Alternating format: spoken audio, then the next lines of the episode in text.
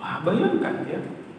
Makanya tadi urut-urutannya tadi begitu masuk ke dalam rumah sunnah Nabi mengatakan assalamualaikum. Dalam surat An-Nisa 86 itu Allah katakan kalau ada orang yang mengucapkan salam balas fa'ah wa ahsana minha.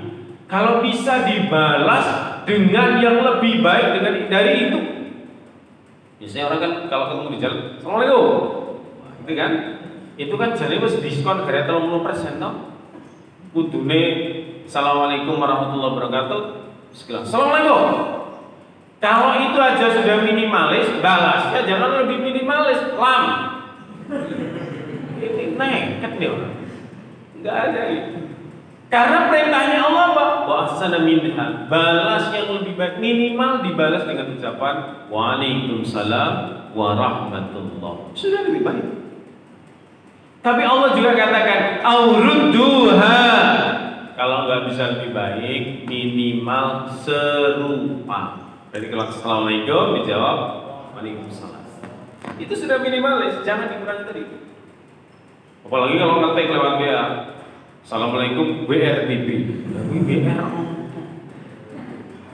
kok susahnya nulis warahmatullahi wabarakatuh? Maknanya lebih jelas, makna doanya lebih tegas, nyata. Ini WRBB ini apa? Malah salam WRBB.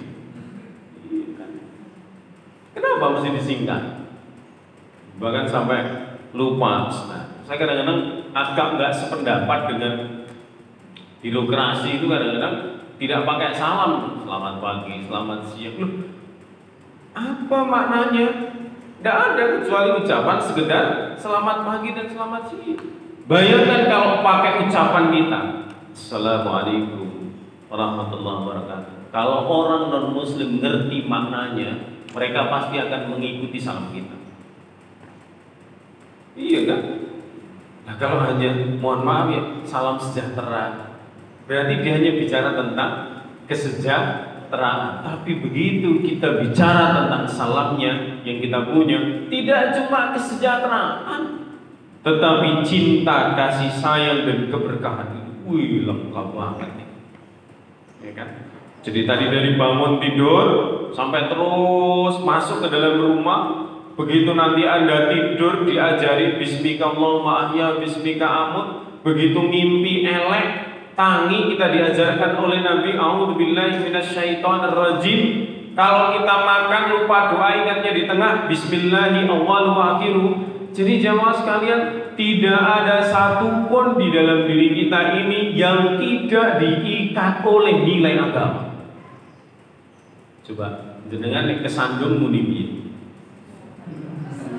Inna lillah kan kalau kesandung coba mana ada agama selain Islam yang ngajari urusan kesandung? Cari deh. Nek wahing muni Alhamdulillah. Yang mendengarkan ya rahmatullah. Kita membalas mana ada agama selain Islam yang ngajari urusan wahing? Daki gunung, bagaimana kalau naik? Allah Akbar. Kalau turun, Subhanallah. Lu munggah gunung lho. Berarti nek munggah mall enten mboten. Nah, ngono biyen ono mall ya kan. Ya tuh anggap ae nek naik eskalator kayak Allah Akbar Allah.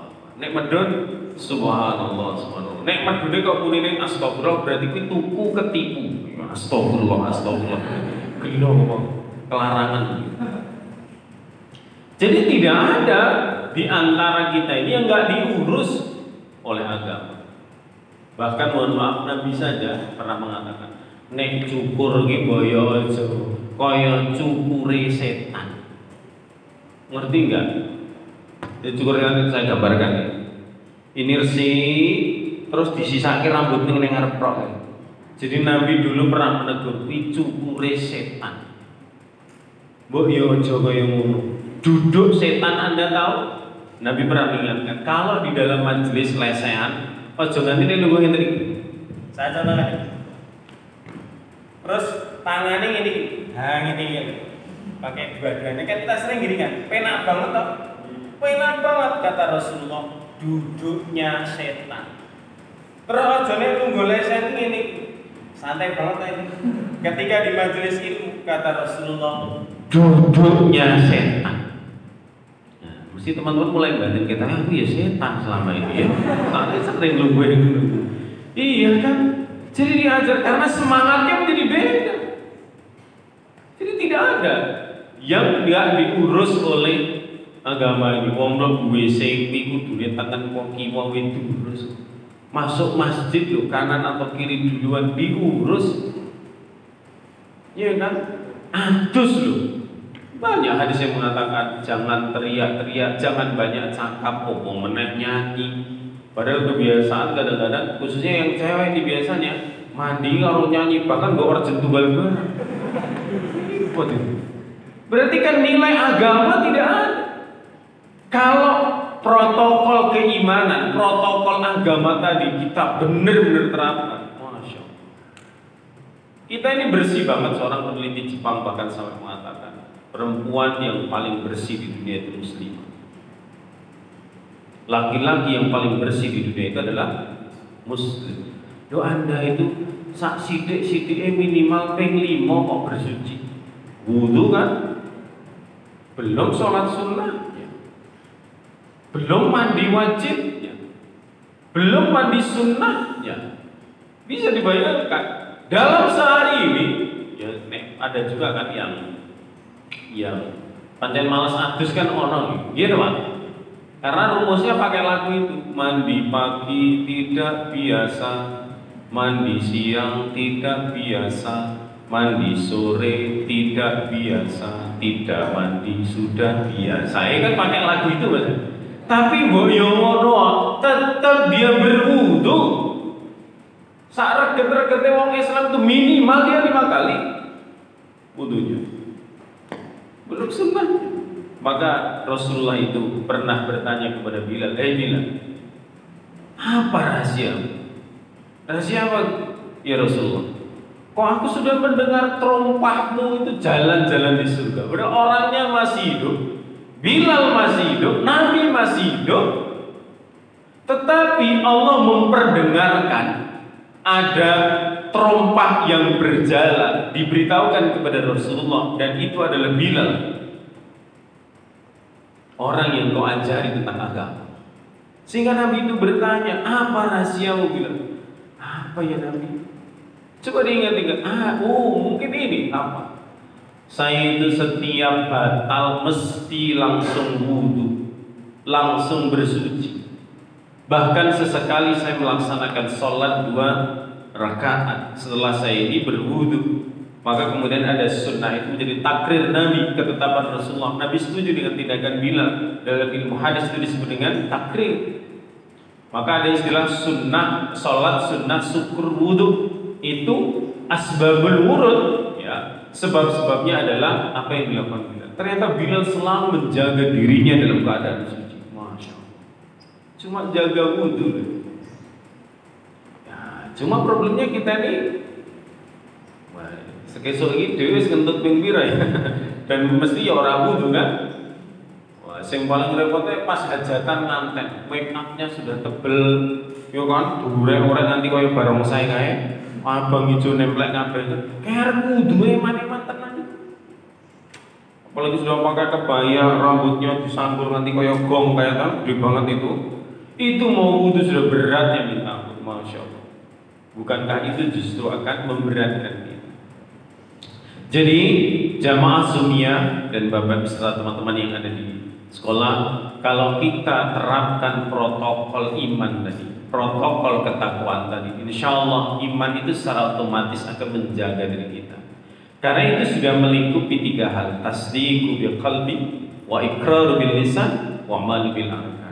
Ditujamkan dalam hati dan kita setiap hari, setiap saat itu melafalkan ke dalam lisan kita. Kenapa? Karena kita mesti mengucapkan iya karena itu wa iya karena nasta'in. Kita juga ngomong asyhadu an la ilaha illallah.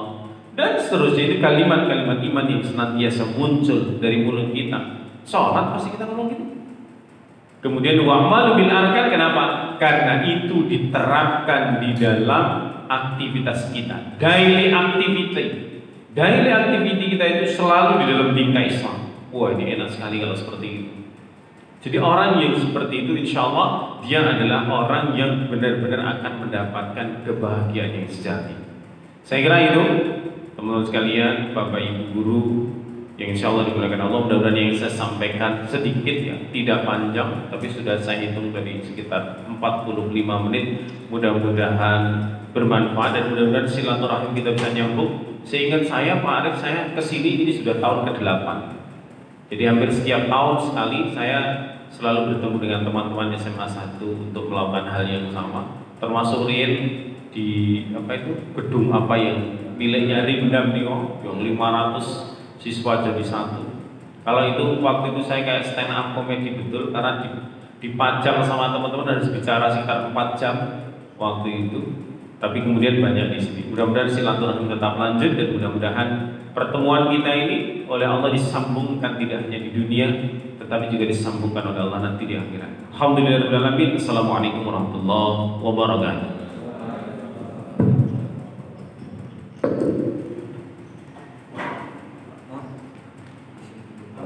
Oh tanya jawab ya, masya Allah. Terima kasih kepada beliau Ustaz Zuron. Sekarang kita akan memasuki sesi tanya jawab. Yang, yang ingin bertanya bisa di kolom chat Zoom ya.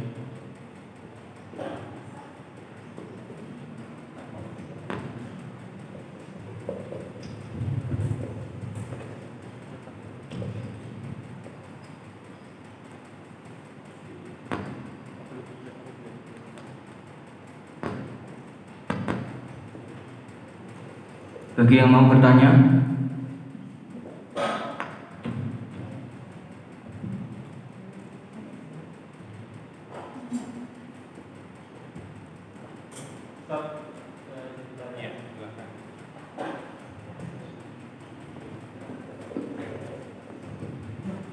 Uh, saya ingin bertanya tadi tentang hati yang suka berbohong. Nah, itu kan uh, saya sudah pernah mengalami, eh, benar-benar nih, tapi saya pernah mendengar cerita, dengan cerita.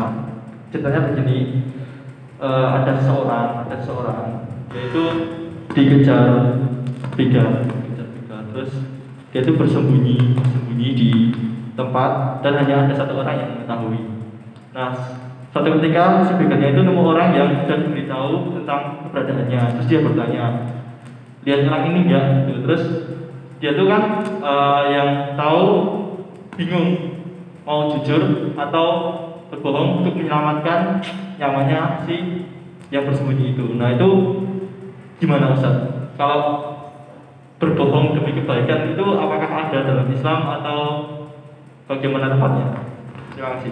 Iya, saya langsung jawab. Ada tiga peristiwa yang bisa kita gunakan untuk menjawab ini. Mungkin boleh duduk saja daripada capek berdiri. Yang pertama adalah peristiwa seorang laki-laki yang dikejar-kejar oleh orang tuanya mau dibunuh. Lalu dia bertemu dengan Rasulullah, tapi dia tidak tahu kalau itu Nabi. Nah setelah oleh Nabi ditanya kenapa dan bagaimana dan Nabi yakin bahwa ini orang baik Kemudian Rasulullah mengatakan coba kau sembunyi di sebelah sana Nah setelah dia sembunyi tiba-tiba rombongan yang ngejar-ngejar tadi datang Mas tahu nggak ada orang ada seorang laki-laki tadi lewat di sini mau saya bunuh dia musuh saya dia apa yang dilakukan Rasulullah? Rasulullah pada waktu itu kemudian mundur satu langkah. Jadi misalnya dia berdiri di sini, kemudian dia mundur satu langkah. Terus Nabi mengatakan, sejak saya di sini baru Tuhan yang lewat. Bohong nggak ya? Iya kan? Iya. Itu sebenarnya nggak bohong kan? Tapi itu kecerdasan yang luar biasa. Nabi dari sini mundur. Sejak saya di sini baru tuan yang lewat. Ini corone di sini di teko itu sih bongkar aku. Aku nanti dulu orang kaya itu mesti ngurus sama Tapi Nabi cerdas yang luar biasa. Itu peristiwa pertama. Yang kedua, ketika orang-orang kafir Quraisy mensweeping ingin membunuh Rasulullah. Kemudian sampailah giliran Rasulullah lewat dicegat betul. Karena kalau ketahuan dia nabi dibunuh dia. Lalu Nabi tanya, ente dari mana? Nabi menjawab dari air. Lolos. Loh, kok dari air? Iya, orang-orang Quraisy kalau dijawab dari air, dia ngertinya dari Baghdad, Irak pada saat itu. Ya, negeri yang kaya dengan air. Gak mungkin dari Mekah atau dari Medina, gak mungkin. Padahal Rasulullah maksudnya manusia itu diciptakan dari air. Tidak salah. Air mani. Kan penjelasannya ada dalam. Nah,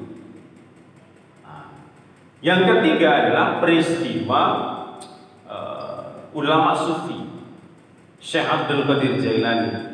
Ketika dia usia 9 tahun disuruh merantau sama orang tuanya silakan kamu cari ilmu sebanyak-banyaknya. Dibekali uang 40 dirham. Bersama Abdul Qadir Jailani yang usianya baru 9 tahun itu ditaruh di pundaknya. Jadi ini baju ditaruh di sini kemudian sampai tengah jalan rombongan Abdul Qadir Jailani dirampok semuanya dirampok semuanya sampai si dia ini ditanya punya duit nggak punya diperiksa itu diperiksa nggak ketemu karena periksanya di kampung di tas. Padahal dia naruhnya di sini. Kamu bohong enggak? Punya duit enggak? Punya. Periksa lagi sama perampoknya, enggak ketemu lagi. Wah, akhirnya begitu sudah tiga kali periksa enggak ketemu, ditanya lagi, punya duit? Punya. Di mana? Baru dikeluarkan sama Abdul Qadir. 40 dirham diberikan. Terus perampoknya itu mengatakan, loh kamu seandainya bohong lah ya bisa toh. Kuno cah cilik, usia 9 tahun, andai bohong pun tidak akan saya maafkan. Tapi kenapa kamu jujur? Lalu Syekh Abdul Qadir Jailani itu menjawab, karena ibu saya mengajarkan dalam situasi apa pun kita tidak boleh berbohong.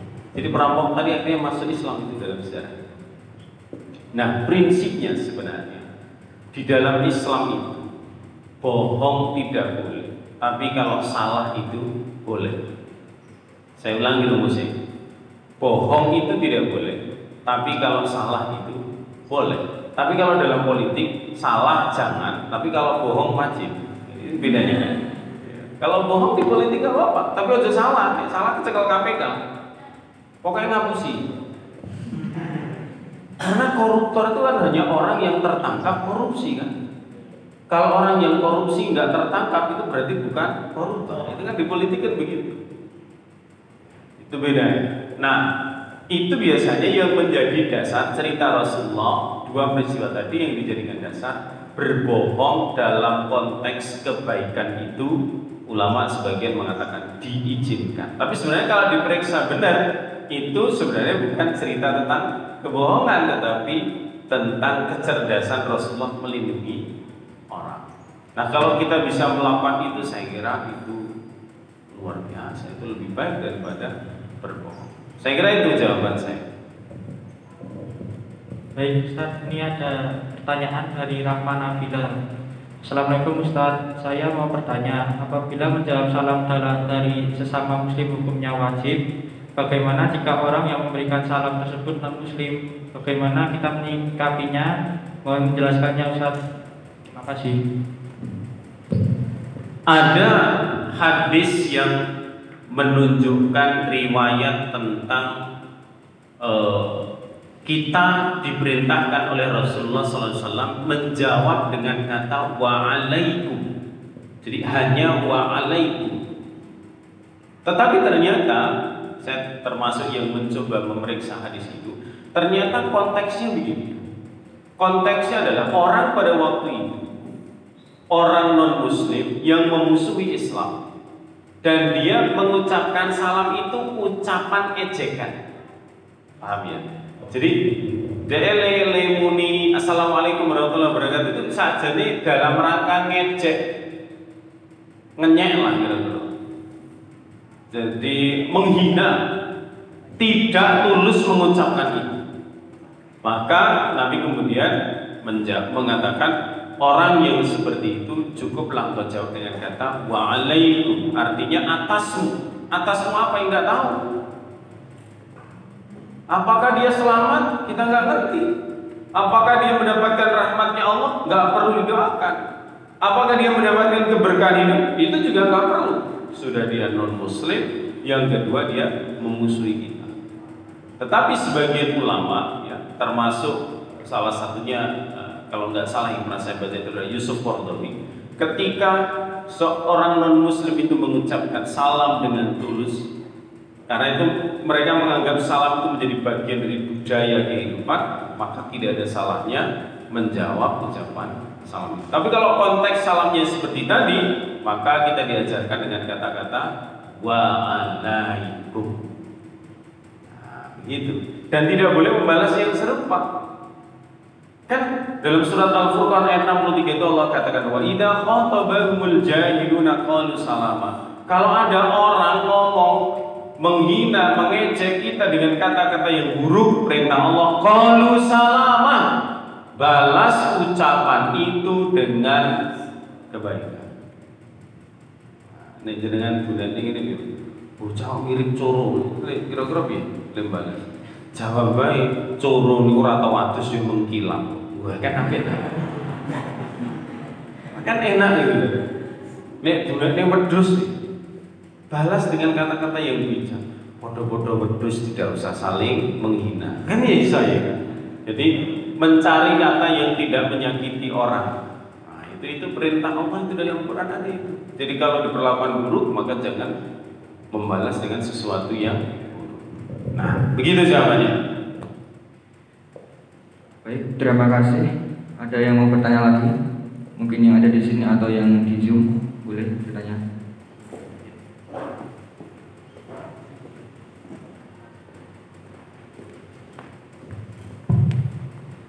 Assalamualaikum warahmatullahi wabarakatuh.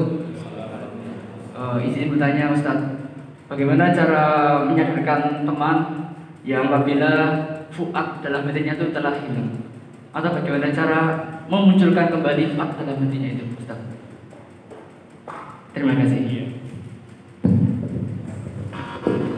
Secara secara teori ya kalau kita membaca surat Al-Baqarah ayat 6 itu innal ladzina kafaru sawa'un 'alaihim a'angdartahum am lam tunzirhum la orang-orang yang kafir Kafir itu kan dari kata kafaro artinya yang menutupi dalam bahasa Inggris cover. Cover itu kan menutupi isi buku. Kafir itu berarti orang yang menutup diri dari kebenaran. Kata Allah, sawa'un alaihim a'angdarta. Mereka itu diberi peringatan atau tidak diberi peringatan itu la yu'minu. Mereka tidak percaya. Tetapi apa yang dilakukan Rasulullah? Apakah Rasulullah berhenti memberi peringatan? Tidak. Karena orang-orang kafir pada zaman itu tidak semuanya kekafirannya sampai fuadnya mati. Tidak semuanya. Ada karena kekafirannya karena dia nggak ngerti. Tidak. Itu kan? Tapi ada yang kekafirannya itu mendarah daging. Oh Muhammad nggak musuh saya. Aku orang percaya nek kuno nabi. Aku orang percaya nek kuno bawa Quran. Kamu adalah ya apa istilahnya? The real my enemy. Kamu adalah musuh nyata. Nah yang begitu itu yang sama saja dikasih peringatan Tuhan. Maka kalau kita berkaca kepada bagaimana cara dakwah Rasulullah, kalau ketemu orang-orang seperti itu, maka tugas minimalisnya harus dijalankan. Karena Nabi mengatakan begini, Man ra'a minkum mungkaran biyadi. Kalau kita ngelihat kezaliman kemungkaran, maka ubah dengan kekuasaan. Jadi teman-teman itu besok kalau lulus dari sini mungkin kuliah atau jadi pengusaha. Kalau suatu saat bisa jago jadi presiden. Iya atau wali kota atau bupati atau gubernur maka tempuh jalan itu. Kenapa? Karena Nabi sendiri Nabi sendiri itu mengatakan cara terbaik mengubah sesuatu adalah kekuasaan. Itu cara terbaik dan tercepat. Bahkan kalau kita melihat peristiwa Fathul Makkah ketika turun ayat idza jaa nasrullahi wal fath wa ra'aitan nasa yadkhuluna fi dinillahi afwaja itu kan banyak orang-orang kafir yang nggak mau masuk Islam tiba-tiba dia masuk Islam kenapa? Karena takut Nabi sudah berkuasa. Lagi loh, wong ngeyel bae nek ketemu dengan kekuasaan ini mikir. Nah, kalau bisa ada begitu. Jadi jangan bercita-cita semuanya jadi guru. Iya kan? Kalau semua jadi guru, jadi dosen kayak saya ngajar di kampus itu mudah diatur sama politisi. Makanya sampai ada ada cerita itu kan Guru itu nggak perlu khawatir dengan murid-murid yang pintar. Karena begitu lulus, dia mentok jadi guru. Mereka pintar kan? Guru juga tidak perlu khawatir dengan murid yang kemampuannya sedang. Kenapa? Naik lulus sudah jadi pengusaha, tidak membayangkan. Tapi harus khawatir dengan murid-murid yang kemampuannya rendah. Soalnya naik lulus jadi politisi. Sampai begitu. Kenapa? Karena politisi yang menentukan nasib guru. Nah, kan? Ya, mudah-mudahan Anda tidak termasuk yang seperti itu. Jadi kewajiban standarnya dijalankan. Hanya itu. Karena urusan petunjuk itu bukan urusan kita. Nabi kan pernah diingatkan. Ya kan? Pernah diingatkan. Muhammad urusan petunjuk bukan urusanmu. Urusanmu itu memberi peringatan kalau sudah sampai petunjuk itu sudah wilayah pernah diingatkan. Yang kedua Nabi itu pernah juga diingatkan ketika dia meminta kepada Allah ya Allah hancurkan itu laknat itu ditegur sama Allah. Jangan gitu Muhammad. Tugasmu adalah bagaimana menjadikan orang-orang itu tercerahkan dengan apa yang kamu sampaikan. Urusan melaknat dan bukan urusanku.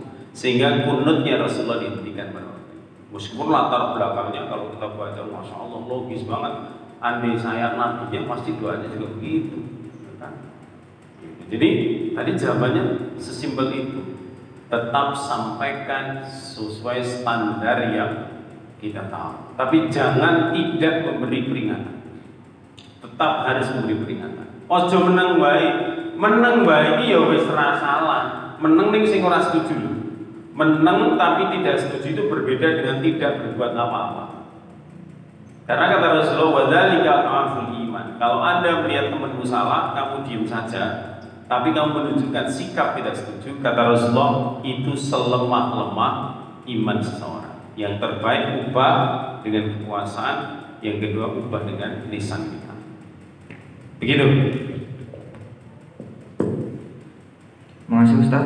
Ini ada pertanyaan lagi dari Ikhwan. Assalamualaikum Ustaz, izin bertanya Ustaz. Apa ucapan yang lebih baik untuk memulai chat di WA?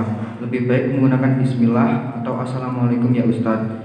Lalu jika menggunakan salam Assalamualaikum Kewajiban kita menjawab juga dengan mengetik salam juga Atau cukup dengan ucapan di lisan saja Tanpa diketik Sudah dapat menggugurkan kewajiban kita menjawab salam Ustaz Mohon penjelasannya Ustaz, terima kasih Iya. Kalau berdasarkan hadis riwayat Imam Muslim ya, Nabi pernah mengatakan begini.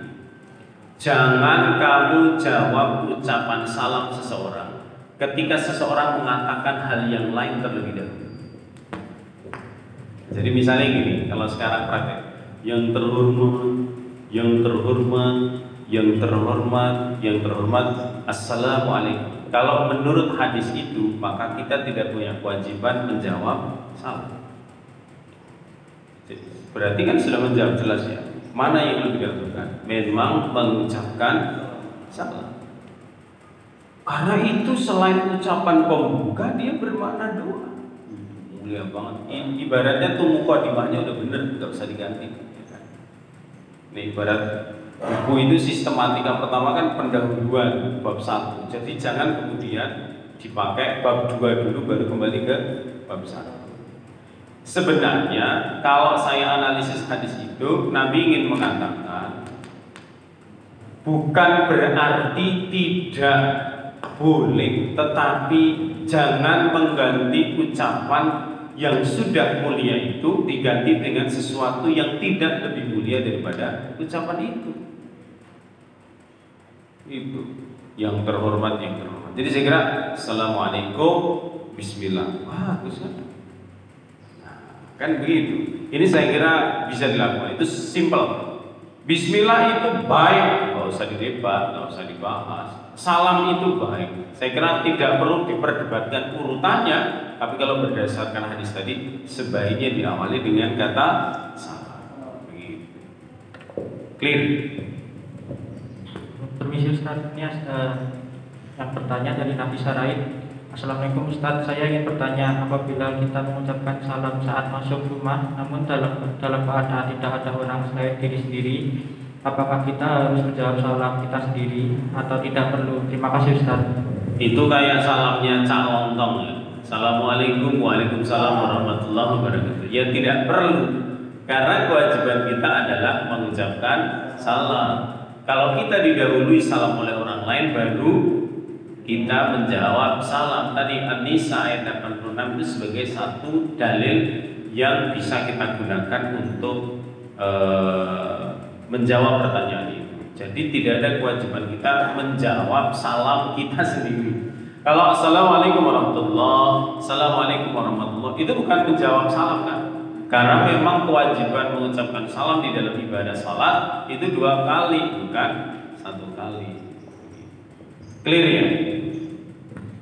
Baik, terima kasih. Jika ada yang mau bertanya lagi bisa ditanyakan.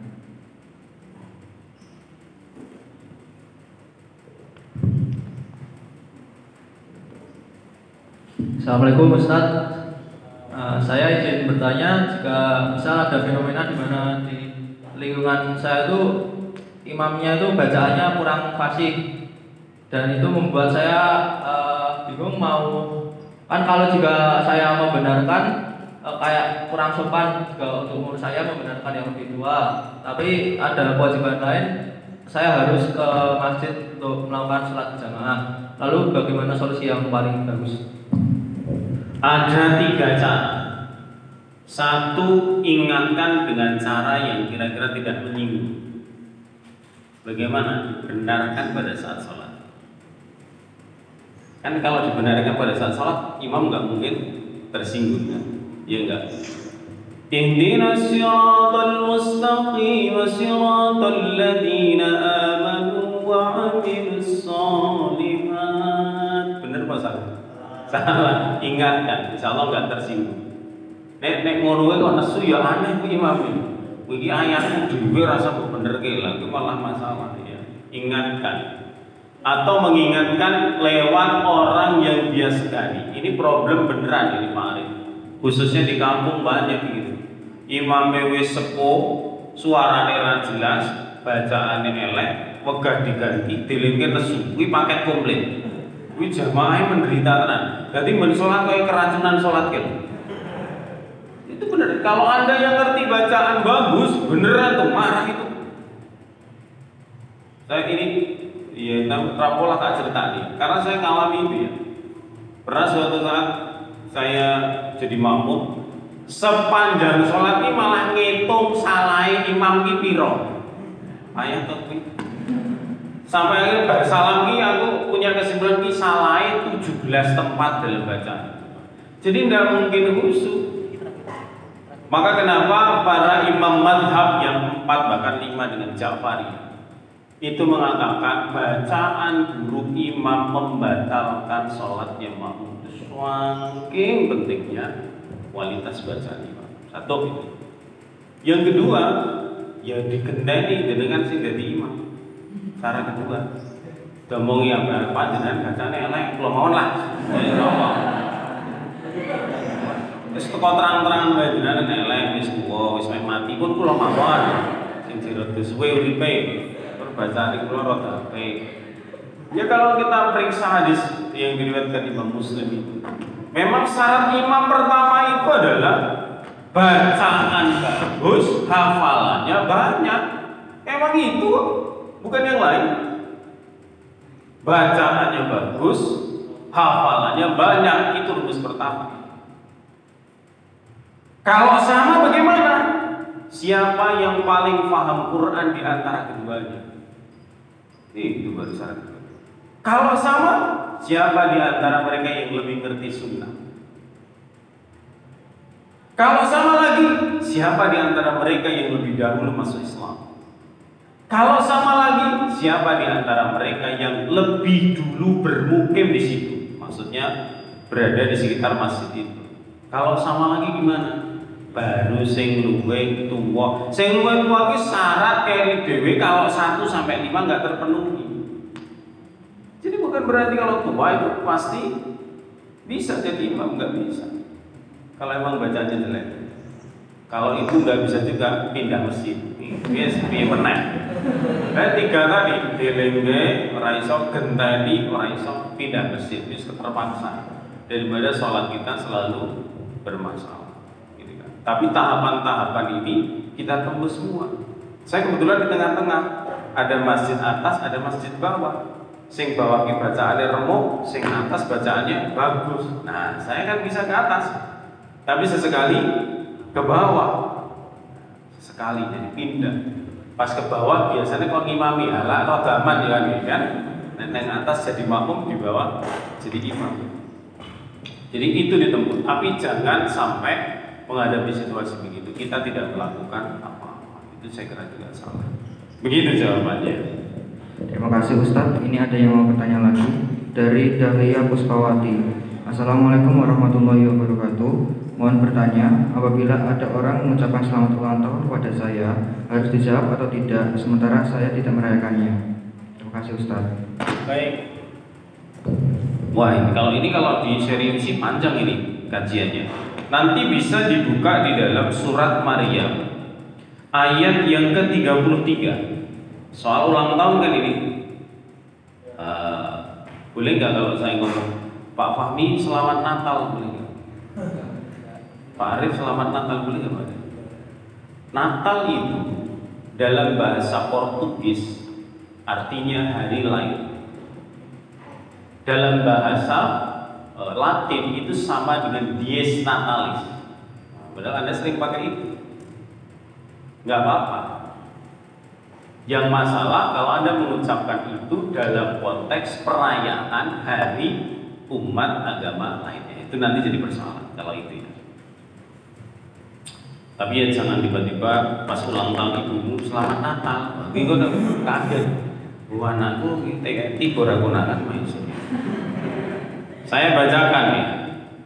Wassalamu alayya yawma wulid wa yawmal amwat wa yawma hayya. Kata Allah, ini kata-kata Nabi Isa yang direkam di dalam surat Maryam ternyata mengucapkan selamat atas hari kelahiranmu kehidupanku atau di mana aku dibangkitkan itu boleh. Jadi sebenarnya mengucapkan selamat ultah itu tidak ada masalah. Kalau kita berpegang pada eh, ayat ini, tetapi jangan merayakan sebagaimana cara mereka merayakan. Itu baru pakai hadisnya riwayat Imam Abu Daud. Eh, Man tasabbaha biqaumin bahwa minhum tasyabbuh meniru budaya orang lain. Ya jadi ulang tahun orang usah dirayakan ya orang apa Gitu. Saya itu termasuk sing lali ulang tahun istri itu kapan, anak kapan, nih aku dewe kita cek kelingan itu. Tapi karena tidak terbiasa dengan itu, ya tidak ada masalah. Karena sebenarnya merayakan ulang tahun ini nggak logis ya. Wong uripe nyawa kerong kelong kok di merayakan kan nggak logis kan. Pak Arif usianya berapa? 58. Kalau sama Allah dikasih 70 tinggal berapa coba? Kan tinggal 22. Saya baru menjelang 40. Kalau sama-sama dikasih 70 sama Allah masih 7 eh, masih 31 tahun. Mosok semakin mendekati kematian kok dirayakan Ramadan. Gue merayakan apa? Aku mah mati. Kita kan orang ono hidup-hidup. Oh enggak logis orang merayakan ultah itu. Iya kan? Lo ini kan wujud syukur. Ya kalau wujud syukur harus ultah tiap hari itu bisa. Wa ittadana rabbukum la in syakartum la zidannakum wa la in kafartum inna Allah Ibrahim ayat 7. Bersyukur mah tiap hari. nggak usah nunggu. Saya termasuk yang eh, bukan tidak setuju tapi nggak senang dengan perayaan-perayaan seperti itu apalagi dilakukan secara berlebihan. Saya kira itu bukan budaya kita dan Islam juga tidak mengajarkan. Begitu jawabannya. Baik, terima kasih Ustaz atas sesi tanya jawabnya. Dan acara demi acara telah kita lewati bersama di bala kita di penghujung acara yaitu penutupan. Semoga apa yang disampaikan Zuhron bisa bermanfaat bagi kita semua. Kami selaku pembawa acara meminta maaf yang sebesar-besarnya jika ada kebenaran maka datangnya dari Allah SWT dan jika ada kesalahan maka datangnya dari diri kita sendiri. Kurang lebihnya mohon maaf. Pergi mancing mencari nila. Digoreng kering untuk sarapan. Mumpung masih dalam acara, Salah-salah dan kilafnya mohon dimaafkan. bila itu wassalamualaikum warahmatullahi wabarakatuh.